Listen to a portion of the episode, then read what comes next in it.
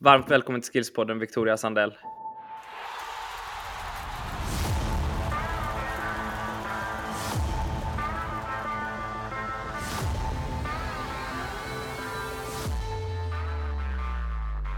Tack så mycket.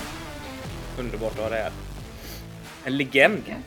Ja. Det vet jag inte, men jo, det får man säga. en före detta spelare i alla fall. Du vet att Victoria klår dig i antalet landskamper också va? Du halkar ja, längre och längre ner på den listan. Alltså. Ja, men det är de många som gör. Eh, men än så länge ingen eh, sopig kille som har gått förbi mig än. Så att, eh, men det är många tjejer som går förbi, utan tvekan. Ja, jag tror Kosse gick om mig nu, eller kommer gå om mig också. Det, de spelar ju sjukt mycket landskamper nu då. Mm. Ja, och det, så är det ju. Det är väl en anledning till att jag gick förbi en sån som Ravelli också, som, som har så många landskamper. Att det, mm. det blir ju mer och mer landskamper nu. Har du ju Nations League och det är Mm. Klart spelar man då i Allsvenskan eller man är tillgänglig för många träningsmatcher och sånt så, så rullar det ju på. Men det är mycket, det är mm. mycket kval, det är mycket turneringar, träningsturneringar och nya kval och sådär. Så mm. eh, det, vi får väl se hur länge jag har det rekordet. Jag tror Victor Nilsson Lindelöf eh, kommer att slå det inom kort. Ja, tror så det? kan det bli. Ja, det tror jag faktiskt. Mm. Jag tror han kommer att gå förbi. Han har eh, många redan nu och han är ju ung fortfarande, väldigt ung fortfarande. Så och dessutom på en position där eh, han inte har så mycket konkurrens och eh, också en position där du kan eh, en av dem där du kan spela även om du kommer upp i åren då. Mm. Precis. Just det. Ja, kul att du är med oss Victoria. Jätteroligt. Höra kul lite. att få vara med. Ja, kul att höra. Det här är ju en podd med lite egentligen gott kött och, och lite bara bolla lite tankar och idéer och vi har en del tankar och idéer men vi vi vet ju inte eh, allt, även om eh, vi ibland tror det. Så det är rätt. Jag tycker det är, jag tycker det är intressant att lyssna på andra människor som, eh, som kan fotboll och som kanske ser det från andra perspektiv. Ibland det är nyttigt, ibland blir man ju så här med skygglappar. Man tror, tror sig kunna och se allting och sådär. Och då är det nyttigt att bolla med andra. Jag tycker det är utvecklande. Så jag tycker det är väldigt roligt att du, du är med med din, all din erfarenhet och kunskap. Så jag är väldigt glad att ha dig med i podden. Kul! Vill du, eh, vill du förklara för Victoria dina känslor kring eh, svensk fotboll? Nej men alltså, jag, eh, mina tankar lever egentligen kvar från när jag slutade. Att jag, jag upplevde ju många gånger att vi, vi, vi, vi jobbade väldigt ofta på vad vi skulle göra när motståndarna har bollen. Och vilket gjorde att vi hade ett problem att själv föra ett spel, speciellt när vi spelar utomlands mot lite bättre motstånd. Och, Ehm, att jobba och springa och täcka ytor och sånt där, det kollektiva, det, det är vi väldigt bra på. Men just att vara trygg med bollen, att veta vad du ska göra av bollen innan du får den, det är någonting som jag tycker att vi alltid har legat efter i Sverige och tycker väl fortfarande att det ser ut som många andra europeiska länder, all, eh, världens länder egentligen, ser ut som de har mer tid med bollen än vad vi har. Och vad kan vi göra för vi i Sverige för, för, för att förändra det? Det är väl egentligen det jag brinner för lite för Alltså, vi är ju bland kanske de bästa just med kollektivet, att få laget att fungera, gruppen och sådär. Och det ska vi ju inte försaka, för där är vi ju eh, fantastiska. Men kan vi göra någonting för att spetsa till de här egenskaperna som eh, jag upplever att vi ligger efter till exempel Spanien som är en förebild. De ligger väl före de flesta med, när det gäller det. Men, eh, men det är min bild av det och jag tycker eh, även om det har förändrats och blivit bättre så tycker jag fortfarande att det inte närmar oss eh, Europa. Eh, utan många länder som vi ser svenska landslaget, herrlandslaget framförallt då, eh, där vi ändå ofta inte har possession utan vi, vi, oftast ligger rätt. Vi, vinner vi matcher så är det för att vi försvarar oss bra och skapar chanser därifrån. Det, det, är min bild och det skulle jag vilja förändra utan att tappa det här som vi är bra på såklart. Mm. Mm. Och det, det, är väl det vi pratar lite om i podden här. Nu slog han nog rekord i världens längsta fråga, men egentligen ingen fråga mer berättande vad, vad jag känner. Ja men exakt, det är en fråga utan ett, mm. ett frågetecken på slutet. Ja. Men det, lite där är jag, lite bollar. Och du, du har ju spelat länge och du är dessutom eh, med lite, så du har ju en, eh, en insyn. Vad jobbar man? Vad tycker du bör hända? För jag, jag, jag upplever att... Eh, Eller tycker Victoria att det fungerar bra idag kanske? Ja, nej, men just på damsidan skulle jag vilja tillägga, där tycker jag att vi är bra. Som jag sa, spelar man OS och och, liksom var fantastiska. Sen går man in med en kaxig attityd att vi ska vinna EM. Nu gör man inte det, men man går ändå in med självkänslan. Varför ska inte vi vinna? Vi är ju bra. Och det är lite fult att ha den inställningen i Sverige. Får man skit för att det inte gick så bra som man hade hoppats. Men det får man ju räkna med. Så är det ju alltid.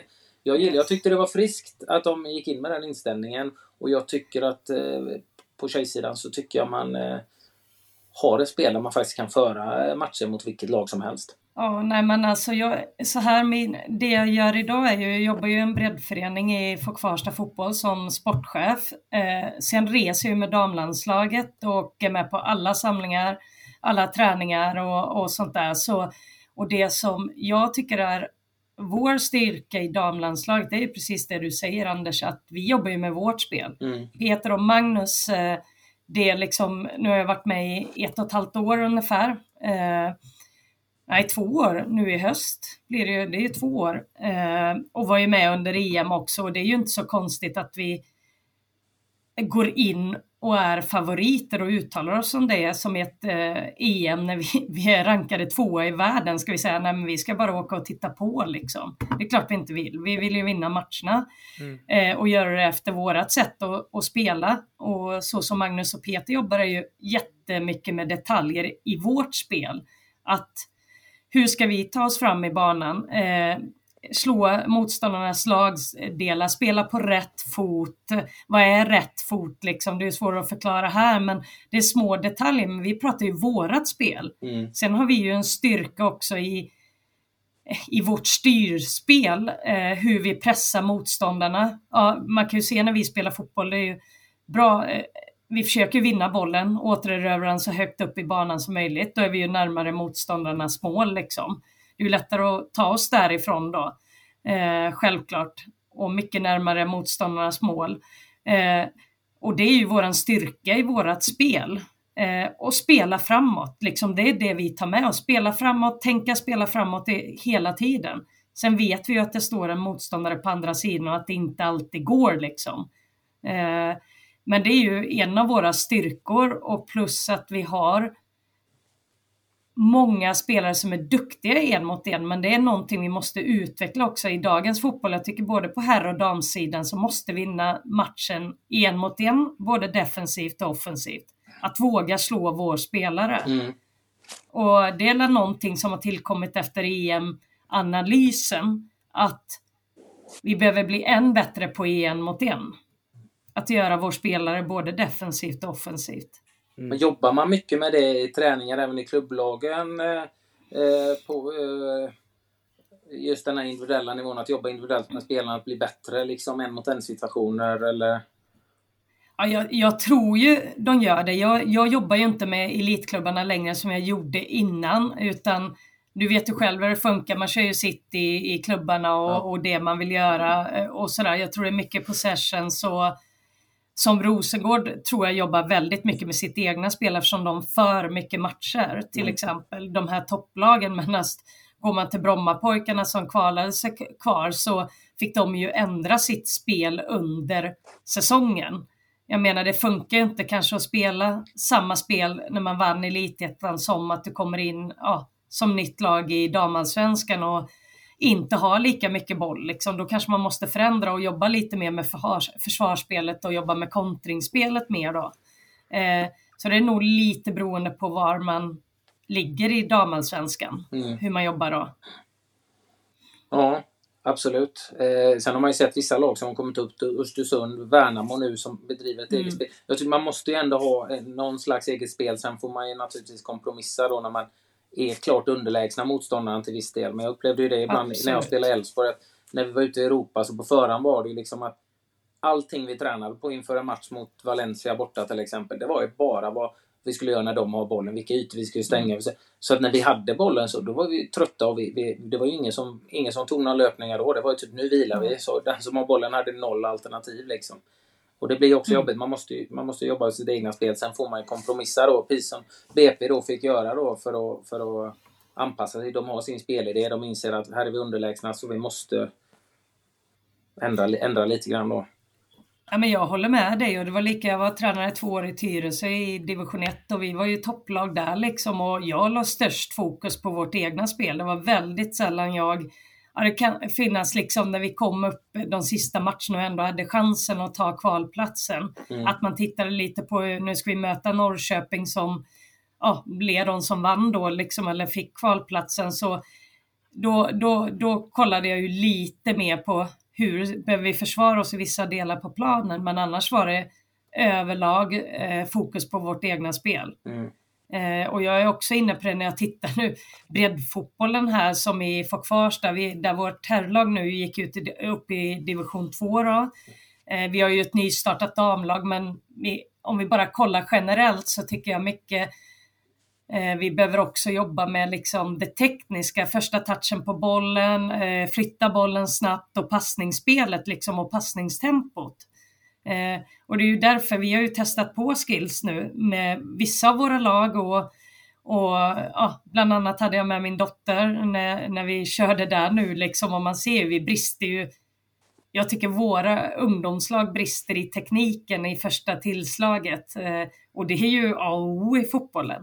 Eh, så där tycker jag att, ja, om vi säger i ert koncept, att ni verkligen har hittat rätt på någonting. För kan du inte behandla bollen, då har vi ju svårt att för, föra ett spel också.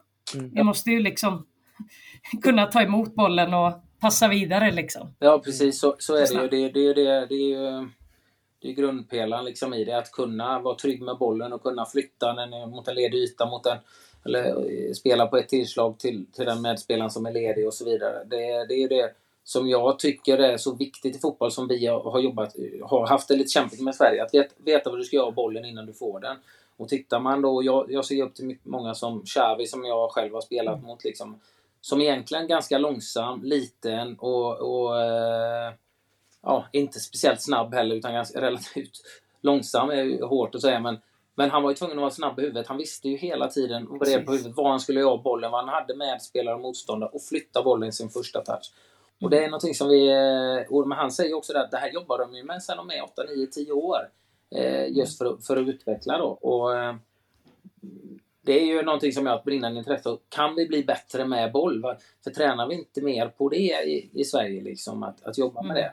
det? Vissa behöver hjälp med... Vissa har det naturligt, men kan ändå bli bättre på det. Men vissa eh, har ju inte de egenskaperna skulle behöva träna extra på det. Men det är svårt om inte det verktyget finns. Och är du en tränare och kanske har en eller två hjälptränare och så har du 25 spelare. Då ska du se till alla olika individers behov. Det är ju väldigt, väldigt svårt för de flesta. Och då menar jag att yes. eh, Eh, då behöver man kanske ha mer resurser eller ha hjälp någonstans. Precis som man har någon som är expert på, på fysträning. Då. Jag fick ju inte helt eh, eh, märkligt eller förvånande kanske köra extra löpträning. Det var inte min styrka. Och då hade jag ju en som kunde hjälpa mig med det då så jag blev bättre.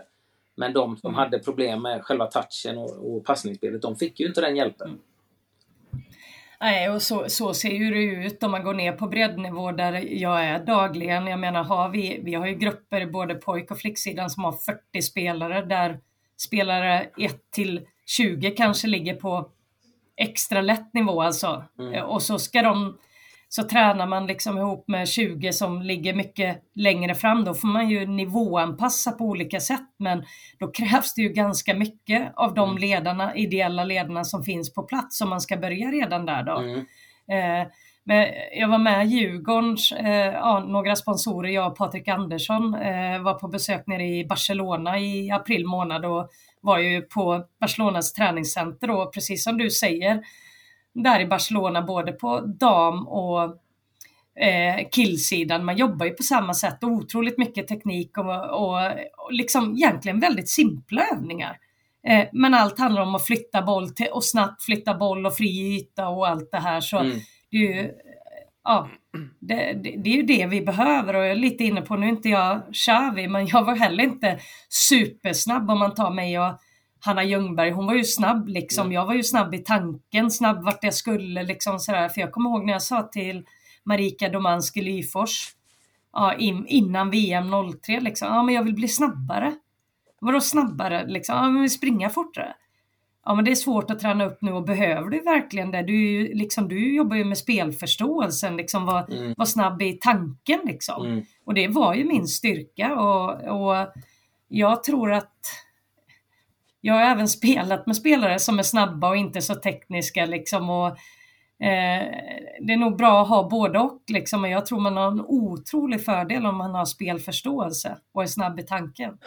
Mm. Det håller jag med om. Det är, ju, det är ju en av de viktigaste egenskaperna tycker jag, för du läser av spelet. Och du behöver du, är du snabb i tanken så behöver du inte vara världens snabbaste. Du löser situationer där. Och det är som du säger, man har ju spelat med många spelare som varit extremt snabba och explosiva, men som har eh, inte noll spelförståelse, men väldigt lite. Och då, då, då spelar det ju ja. ingen roll liksom. Så att... Eh, Eh, jag håller med dig, jag tycker det är en viktig egenskap. Du läser av situationen nästan innan det händer så vet du vad som, vad som kommer hända, både offensivt och defensivt. Så att, eh, ja, men precis. Nej. Men jag tycker, det, jag tycker det är intressant lite hur man... Eh, och där tror jag det finns en del som vi kan förändra rent individuellt då i Sverige. Sen, sen handlar det om, vi har ju det handlar mycket om resurser. Man tittar på de stora klubbarna har ju väldigt mycket mer resurser och anställda tränare ner i åldrarna. Och det, det, är klart. Och det är ju en anledning till att vi, vi har öppnat det här centret som, som vi har. Det är ju för att den här möjligheten ska vara tillgänglig till alla egentligen. Eh, känner jag. Eh, mm. När jag började titta på det, då hittar man ju den här Foponauten i Tyskland. Den ligger ju på runt 40 miljoner liksom. Hur många kan ha det? Har råd med det liksom då. Innan ja. möjligheten med det här verktyget kom upp då som vi jobbar med på Skills. Eh, där du kan jobba med i princip samma saker men alla kan komma och göra det liksom. Mm, I ett mm. komplement till, till lag, eh, lagträningarna. För det är ingenting som ersätter men som ett, Nej, som ett bra komplement liksom, mm. eh, för att jobba med vissa bitar som man antingen vill förbättra eller om man har några spetskvaliteter som man vill göra ännu vassare. Så att, eh, mm, mm. Jag tycker det Men hur ser, ni, hur ser ni på en sån sak som nivåanpassning? Du var inne lite på det eh, lite kort bara Victoria, men vi har pratat med ganska många som jobbar i akademiföreningar och elitföreningar.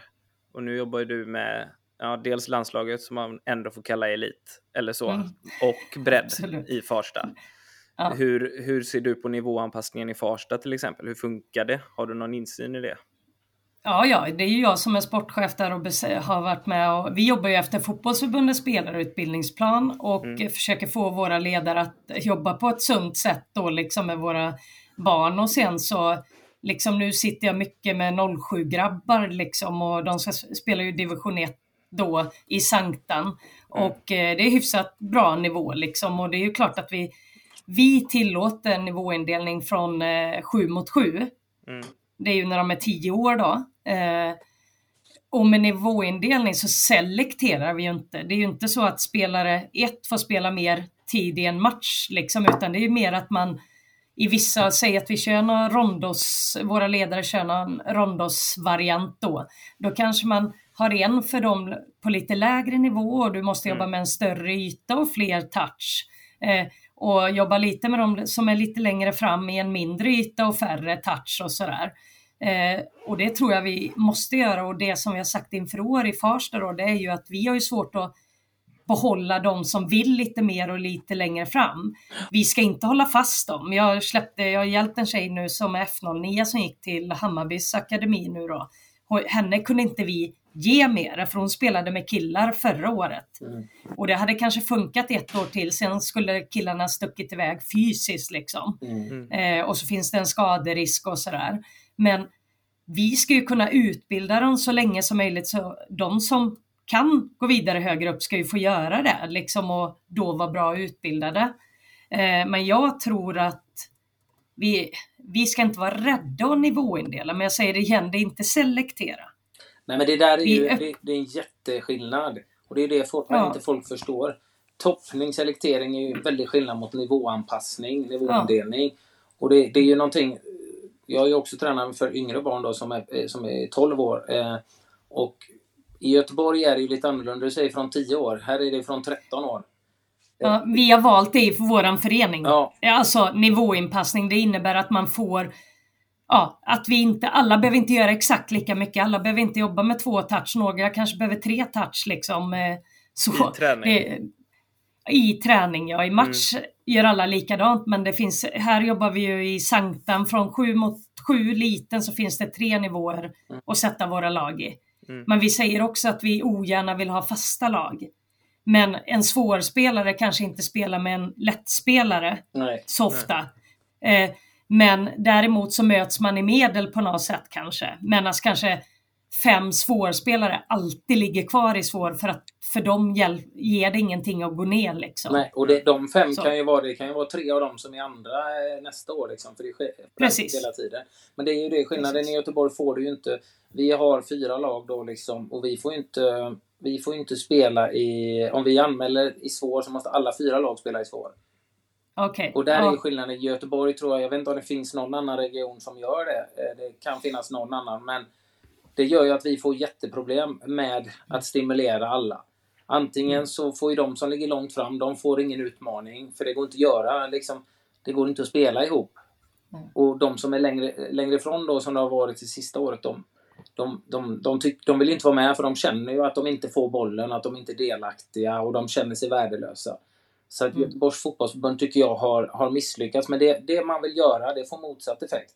Vi mm. som breddföreningar tappar antingen, vi tappar alla egentligen. De som, de mm. inte får, får chansen att röra bollen för att de är för svaga, känner de själva och de får spela mot sådana som är alldeles för mycket bättre. De får inte röra bollen, tycker inte det är roligt, slutar. Och de som är långt fram blir, blir frustrerade över att de inte får tillbaka passningar och att de, det är omöjligt att passa dem mm, själva. Mm. Och då väljer de att gå till andra klubbar. Mm, mm. så att eh, Göteborgs fotbollsförbund eh, har nog all, i all välmening försökt göra någonting men det har blivit helt motsatt. Då. Och det, det här med nivåanpassning. Jag är emot toppning och selektering i tidig ålder. Jag, men jag är för nivåanpassning. Jag tycker det är jättebra. Och så länge man inte har några fasta grupper utan det här. För de Precis. utvecklar hela tiden. Och så ibland så mm. mixar man. Ibland går någon från svår ner och spelar med medel och får kanske vara lite mm. lagkapten där. Och, någon från lätt upp i med och, och så någon från medel går upp och får prova på svår. Så man har rotation. Och, den, och att man inte cementerar de här för det kommer ju bli helt det kommer ju skifta hela tiden. Mm. Vi gör precis likadant Anders, eller det är så jag vill att våra ledare gör och jag, jag, precis, tycker precis som du. Sen så finns det ju också en grej, någonting i Stockholm här som heter lättproblemet. Det är ju oftast att vissa lag kanske har anmält sig i fel nivå eller att de kommer med för bra lag. Och där är det en blandning av att det finns ledare som inte vet hur man ska göra. Mm. De vill vinna matcher och har anmält sig fel. Ja. Men så finns det också så här, jag gissar att nu har det, men om vi har fyra olika nivåer i, i F10, extra lätt upp till svår. Svårlaget, när du skickar kallelserna, det fylls direkt. Ja. Medellaget fylls direkt och sen så måste du kalla dubbelt så många till extra lätt och lätt för att det ens ska...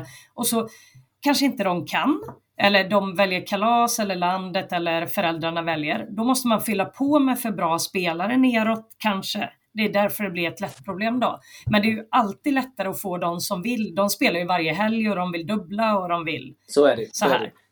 Eh, så, men det här är ju också en, en otroligt viktig ledarfråga. Liksom att man, varför vi är ju också sådär om vi måste gå ner med någon bra spelare i för låg nivå för han eller hon, då kan man ge denna, ja men idag du får inte spela i din bästa position som är mitt-mitt utan du får vara högerback idag eller du får vara mitt-mitt men du får inte göra mål.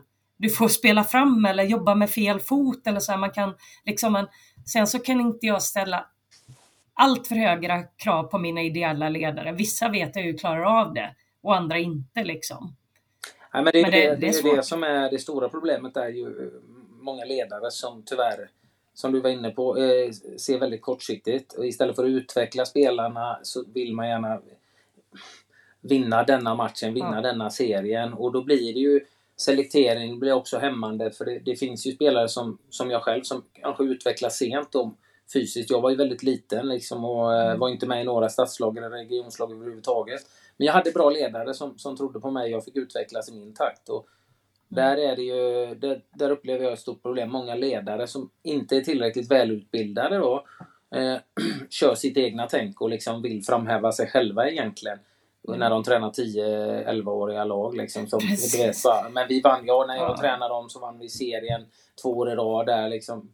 Men det är väl, eh, nu har man ju tagit bort tabeller eh, och, och det är fram till 13 år 13. Ja, och det tycker jag är bra. Jag behöver inte spela med det nästa år heller, för jag ser bara, jag vill se att de utvecklas och att de lär Precis. sig saker. Jag skiter i om vi vinner, vinner en serie eller mm. kommer sist. Liksom, det jag vill se är att vi utmanas och lär oss av eh, motgångar och medgångar och så, så, sådär. Men för många, många tränare tyvärr, och jag tror många av dem saknar kanske den rätta utbildningen eller den rätta mm eh, rätta tankesättet. Men då, då jobbar de ju med att, Ja. att liksom nästan framhäva sig själv liksom, på något sätt. Ja men så är det och de stöter vi på hela tiden. Och, men vi, vi har ju i och med spelarutbildningsplanen så har vi som krav nu att alla våra ledare ska minst ha, nu gör man ju om tränarstegen, du vet du och jag gick ju UEFA eller CBA då liksom och den Mm. ligger ju kvar men under så har ju första varit tränarutbildning C. Men den kommer ju heta från nästa år SVFFD. Och sen så går man på Uefa C efter det och så väljer man ju sen inriktning då. Men alla våra ledare måste gå eh, SVFFD Mm. och sen så har vi också interna värdegrundsutbildningar Mm. Eh, och sådana saker. Men varför, jag får ju säga det, det är ju oftast fotbollsfarsor då som tror att de tränar ett Champions League-lag fast det är faktiskt pojkar 13 nu du, du ska träna här liksom. Mm. Och de ska lära sig att driva, vända, skjuta typ liksom eh, Mm. på den spelformen. Mm. Eh, alla vill ha bollen och ja, man ska göra mål liksom och inte släppa in mål. Eh, så jag tror det, jag tjatar som attan, de tycker nog jag är skitjobbig några medan vissa tycker det är jättebra. Mm. Men det är som du säger, jag har inget behov av att vinna serier heller. Barnen kan själva räkna fast det inte är tabeller, liksom de vet, vet liksom, men vi lyfter med med det vi har tränat under veckan. Har vi tränat på ja, men spelbarhet och eh, återerövring eller om det är någon färdighet, passningsspel eller något sånt där, då är det det vi pratar om på matchen vi går in på helgen. Liksom. Mm. Ja, har vi klarat, det är provet liksom. Har vi klarat veckans tema? Så. Ja, men så, så är det. Det gäller ju att hitta sådana bitar. Och det, jag menar, Mm. resultat, så här, de får inte vinna är det vanliga där. Men alltså, barnen har ju järnkoll på resultatet Ja. i matchen. Så du behöver inte poängtera Ja. upp det och måla upp det i någon tabell eller någonting efteråt. De har järnkoll. De är helt knäckta när de har förlorat en jämn match. De är superglada om de har vunnit. Liksom. Så de får ju ändå Mm. den här tävlingen. Det är ju en tävling även om vi inte får resultat. Liksom. Så att den där debatten har blivit lite konstlad. Men det är som du säger, Ja. ofta är det ju eh, fotbollsfarsor. Ofta är det sådana som vill leva ut kanske en karriär genom sina egna barn som de själv inte fick. Eh, Det är ju Mm. där det stora problemet eh, är. Och de står och skriker och de, byter, och de, de gör allt för att vinna matchen här och nu. Och, Mm. och, eh, eh, det är ju så att vi är ju här för barnens skull. Det är inte så att barnen är här för våran skull liksom, när vi snackar ungdomsfotboll. Så där måste vi jobba mer med ut, utveckling eh, och eh, prestation än, än, än resultat. Ja, är det vår är eh, det. största utmaning framöver eller? Det ni pratar om nu? Ja, i alla fall på breddnivå tycker jag nog det. Och sen så finns det ju andra saker vi behöver jobba när vi pratar elit om man säger. Eller det här måste ju finnas för att det ska funka i eliten sen. Mm. Sen så när vi pratar eliten, om jag tittar på damlandslaget och även herrlandslaget också, eh, så, så, så är det ju att jobba med detaljer i sitt egna spel. Eh, som Anders sa och som jag håller med om, vi Sverige är ju kända för att vi kollektivt alltid kan försvara oss. Och där tycker jag är damlandslagets styrka att vi jobbar så otroligt mycket med vårt eget spel. Och spelar vi ett possession-spel ganska litet, eh, då behöver man jobba stenhårt med sin första touch och ja, när du har spelat så är du inte klar i ny position eller du vill hela tiden vara aktiv, nästa aktion liksom hela tiden. Och vinna matchen en mot en, det tror jag är eh, nästa steg när det gäller absoluta världsnivå. Mm. Hur, eh, vi, vi har pratat eh, med både Rubensson och Linus Gunnarsson och, och sådär med olika perspektiv in i, i damfotbollen också där vi har ju, vi har ju legat väldigt långt fram väldigt länge. Eh, hur ser du på att liksom de stora klubbarna ute i Europa satsar massor på damfotbollen? Det är ju positivt såklart, men vilken roll tror du vi kommer behöva ta i Sverige?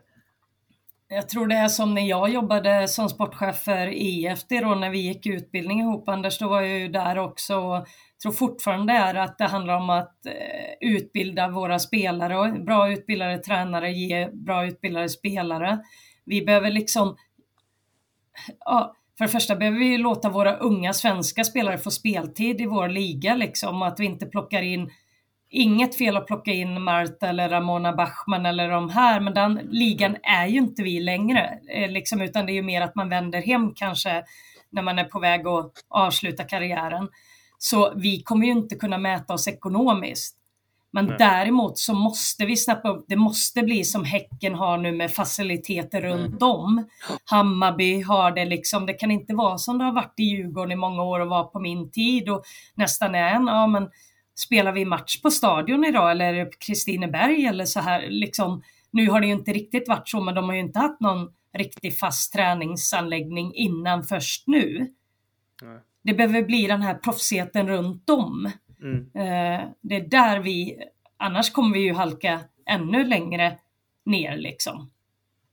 Våra yngre spelare, våra yngre bästa spelare kommer ju sticka utomlands tidigare. Mm. Men kan vi ha en bra miljö, träning och matchmiljö hemma så kan vi behålla dem någorlunda länge i alla fall. Ja, ja och det är det som är, för det, det ser man ju på killsidan, att det som oroar mig då, och det är därför jag förespråkar att eh, komplettera med individuell träning, för det, känslan är att många eh, unga spelare inte bara tror de får det bättre ekonomiskt genom att gå utomlands utan att de får bättre utbildning och bättre utveckling.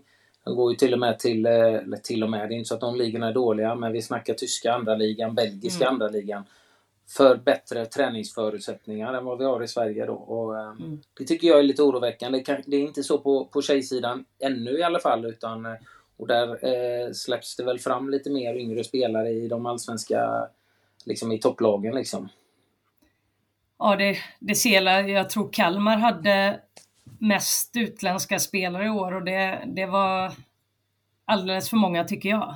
Mm. Eh, så, eh, så det kommer nog liksom så här, vi, vi måste släppa fram våra yngre. Men sen så handlar det ju liksom man vill vinna serien då eller ha en topposition och så finns det inte, de bästa svenska spelarna är plockade av vissa klubbar. Så börjar man titta utomlands liksom och mm. ja, det är ju så det funkar men jag tror att vi, ja, om man inte sätter någon gräns liksom så tror jag att eh, vi kommer ha svårt att hänga med. Mm. Eh, då kommer de yngre dra, precis som på killsidan tidigare. Mm. Men säger det igen, våra faciliteter och som du säger träningsförutsättningar, liksom, det är där vi kan vara med och mäta oss. Mm. Inte med pengar i fickan eller att tjejerna ska få det. Det, det, tror jag inte. Nej. Men din, din erfarenhet och kunskap nu kring eh, individuell träning, extra träning, hur ser du på det? För vi bedriver ju det såklart, men vi vill ju ha ett samarbete med klubbarna och eh, även förbundet för att det ska... Det finns ju framförallt uppe i Stockholm en hel del eh, oseriösa aktörer som eh, dels tar det hutlös mycket pengar och tränar med, med, med, spelare men har noll kommunikation med, med eh, ledare och tränare i den föreningen där spelarna de tränar. Eh, och, och, det innebär ju att den kan vara, eh, de kan ju köra i två, tre timmar dagen innan en viktig träning med, med klubben. Mm. Och, en klubb som någon ledare vi pratar med som kanske har tio spelare som kör individuellt utöver sitt lags träning, vilket är bra. Men det är med åtta olika aktörer.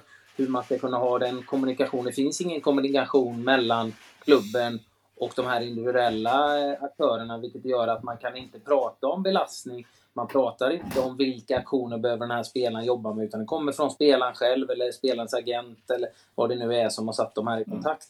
Och där jag vet att vi har pratat med förbundet om att eh, vi skulle vilja ha en licens liksom, så att klubbarna verkligen, för vi möter ju motstånd av, av förbund, eller, från, eller inte förbund, men från tränare för att de är, de är rädda för att det blir fel belastning. Och där vi pratar, det handlar ju bara om att ha en kommunikation så att vi jobbar tillsammans och inte mot varandra. Nej, och så är det. Jag, för det första är jag för individuell träning, för jag gjorde det jättemycket själv när jag var Liksom jag, jag körde ju mycket mer extra efter lagträning än det sker idag eh, tränade fler pass än det sker idag. Och då har de bättre förutsättningar än vi hade. Eh, men det, det är som du säger, det finns för många privata aktörer och de som kör sitt race. Jag har ju försökt till exempel nu, jag träffar ju er kollega här uppe mm. eh, och försökte... Stefan. Och, ja, Stefan ja. Och mm. eh, har fortfarande kontakt. Liksom. Vi, vi har vissa eh, lag och individer som går på skills här i Nacka då, liksom, mm. och, eller cyklar och kör. Eh, men det är precis som ni säger, jag vill inte att de byter ut det mot en lagträning utan detta ska vara någonting extra. Och jag ser inga konstigheter med att Ja, nu är ju inte jag, jag jobbar på fotbollsförbundet men med landslaget men eh, det är klart att ju mer koll vi har på det, liksom att det inte är för många runt en spelare. Vi vet ju hur det ser ut idag. Och, har vi en spelare så har du, du har tränaren, du kanske har en distriktsförbundskapten, du har fotbollsgymnasiet, tränare, du har pappa och du har, ja, men du har så många runt en individ. Mm, mm. Så det är klart vi måste samspela där, men jag är för individuell träning. Och jag tycker, jag tycker också att kollektiva träning ska inte ersättas på något sätt utan det här är ett komplement för att kunna jobba med vissa Precis. bitar. Men har du kommunikationen är ju så, så viktig om du har kommunikationen för då, då kan du ju liksom Ja men den här spelaren eh, behöver jobba med de här aktionerna men också ganska in, hög intensitet för den belastningen har varit för låg för han, han eller hon in, spelar ingen match i helgen på grund av det eller avstängning eller vad som helst. Alternativt att vi skulle behöva jobba med de här detaljerna. Med belastning har varit hård så kan vi dra ner på tempot men ändå jobba med kvalitet i just de momenten utan att det sliter för mycket. Att man har en kommunikation, klubbarna och de individuella aktörerna. Det är ju så dit vi vill komma då för att hitta ett, mm. ett samarbete och att de ska ses som ett komplement. Precis som att man går till en fystränare eller ett gym då som jobbar med vissa bitar för att förstärka kroppen på något annat mm. sätt. Liksom. Jätteviktiga bitar med. Mental tränare. Allt, allt det. Så och finnas där med individuell träning. En, en sista sak tänkte jag säga, men eh, kl mm. klockan spelar Men det jag mm. tänker på, vi, vi har ju använt i, nu kommer jag in på lite, vi har ju använt, eh, inte haft fotbolls, eh, sommar, eh, vad heter det, fotbollsskola på sommaren själva, utan vi har ju hyrt in externt då. Mm. Eh, skulle man kunna titta på ett koncept att erbjuda en sån sak eh, med skills? Det finns. Vi löser det. Det finns. Okej. Okay. Mm. Absolut. Nej, men jag ska titta på det för, för vi håller på nu då. Jag var inte riktigt nöjd efter sista nu då, eller som var. Så eh, det kan vara ett alternativ. För jag tror mycket på det här, eh, som vi säger, individuell träning, första touchen, tillslag, allt det här. Och sen vet jag ju också att ni har lagkoncept med fys och ja, teknik samtidigt då liksom. Så ja, men det tror jag kan var jättebra. Mm. Absolut. Du Anders, ska du bara ta din sista stående fråga eller? Så Men var inte, den, var inte den, var inte den, hade inte räknat bort den? Ja, ja. jag och Ola har inte bestämt oss än. Nej. Så du kan få en, okay. en chans till. Det beror lite på hur bra svaret alltså. är. Nej, den är ganska så snäll faktiskt. Och du har ju nästan redan svarat på den. Ja. Okay. Nej, men eh, du vet, eh, det finns ju många varianter av den här övningen. Men vi kallar den eh, rondo, kvadrat, rektangel. Eh, jag, ehm, korta frågan egentligen är, eh, som jag har svårt att ställa, en korta fråga. Det är, är du för eller emot den övningen? Jag är för rondos. Ja. Men inte kvadraten? Ja, kvadden, är, kvadden, kvadden blir ju fyrkantig liksom. Man vill ha en riktning ja, i spelet liksom så här. Mm. Exakt det alltså svaret en... jag tänkte att vi skulle få. Men grejen är, för mig är kvadden det är någonting som också kan vara viktigt för det är mer en social där du skrattar och du står still.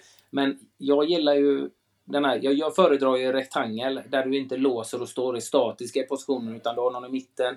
Du flyttar, du spelar, du vänder på spelet för att locka in försvararna för att sen slå en passning på ett tillslag och spela mm. ut ytan. Och då får du alla momenten att, att titta upp, att veta vad du ska göra av bollen innan du får den. Du får kommunikationen och, och, och mm. liksom mm. samarbetet, spela och röra sig också försvarsmässigt, om du jobbar med till exempel koner eller vad som helst, att de i mitten som jagar ska göra någonting, inte bara slå undan mm. Utan de ska leverera mm. någon passning eller någonting. Då får du ja. deras att de vinner och ska inte bara slunga iväg den, utan göra något konstruktivt när de vinner bollen. Och då får du in på de som, som har bollen i första läget, får jobba med återerövring. Så det finns väldigt, väldigt många moment ja. du kan jobba med de övningarna. Om du gör det på rätt sätt. Inte bara släpper det fritt, utan som tränare mm. faktiskt är där och instruerar. Nej, och där är det. Vi hade Anders Bengtsson som eh, körde rondos under vår utbildningsvecka nu för, och det är så liksom han körde massa, precis det du säger och kvadraten det har vi i damlandslaget dagen innan match liksom så här börja med den för det är lite som du säger lite Ja men lite mer socialt så här skoj då mm. liksom. Men sen allt det du säger med rondos, det är ju super liksom. Det här med återerövring och de som jagar kan jobba med att hålla bollen och eh, allt sånt där. Men eh, till, det sista eh, Anders gjorde med mina ledare då, det var trezoners. Och alla gillar ju eller engelska, engelska kvadraten. kvadraten ja. ja. tre zoner som vi sa på eh, när vi körde då. Men då finns det ju alltid, jag tror du också varit med där, att ja, men tre, tre pass innan han får gå över eller eh, ja, hur gör vi med brytning och sånt här. Men då, då sa Anders, varför ska vi ha tre pass innan den går över? För det ska, vill vi ju inte i spelet. Är det en yta rakt fram och du kan slå den, då slår du den liksom. Mm. Och eh, så bjuder vi in till övningar där vi sätter liksom instruktioner att det bara får vara max eller minst tre pass innan den får gå över eller den får gå på backen eller över eller så här. Det är ju också att då tränar vi på ett sätt vi inte vill spela kanske. Finns det en tom yta att attackera, då är det ju dålig press av de två som går in och jagar. Det är en bra, det är en bra, det är en bra synpunkt. Sen vet ju vissa då om man ska slå man över den direkt på volley, för det är ju svårt då. Men det, ja. det lyfter ju också intensiteten. För de, ofta så har det ju, så att det är två som är inne och jagar, så kanske det är två ja. eller tre eller fyra som I står i mittzonen som står och skär, ja. skär, skär av passningar som också är aktiva. Då måste de ju läsa den passningen för att direkt sätta, sätta press. Ja, och som Anders sa, om man vill veta alla de tre, för gå forwards, de två som går in och jagar, ska de tre stå där bak eller ska de liksom flytta för att hålla ihop lagdelarna? Det finns sådana här, men det, jag tycker jag är för rondos helt enkelt. Mm, och bra. för kvadder med eh, socialt. I vissa moment också. En jättebra övning. Yes. Bra svarat. Vi, vi gick över med typ 13 minuter Victoria. Jag hoppas du inte är ja. för arg på oss. det är lugnt. Ja, jag springer nu. ja, mycket bra. Stort tack för att du ville vara med och snacka lite med oss. Stort tack för att du ville vara med. Eh, tack för att jag fick vara med. Ja. Ja, och ha en god jul och gott nytt år nu. Ja, det är samma. Ja, det, är samma. Det är samma. Vi yes, ses. ha det. Tja.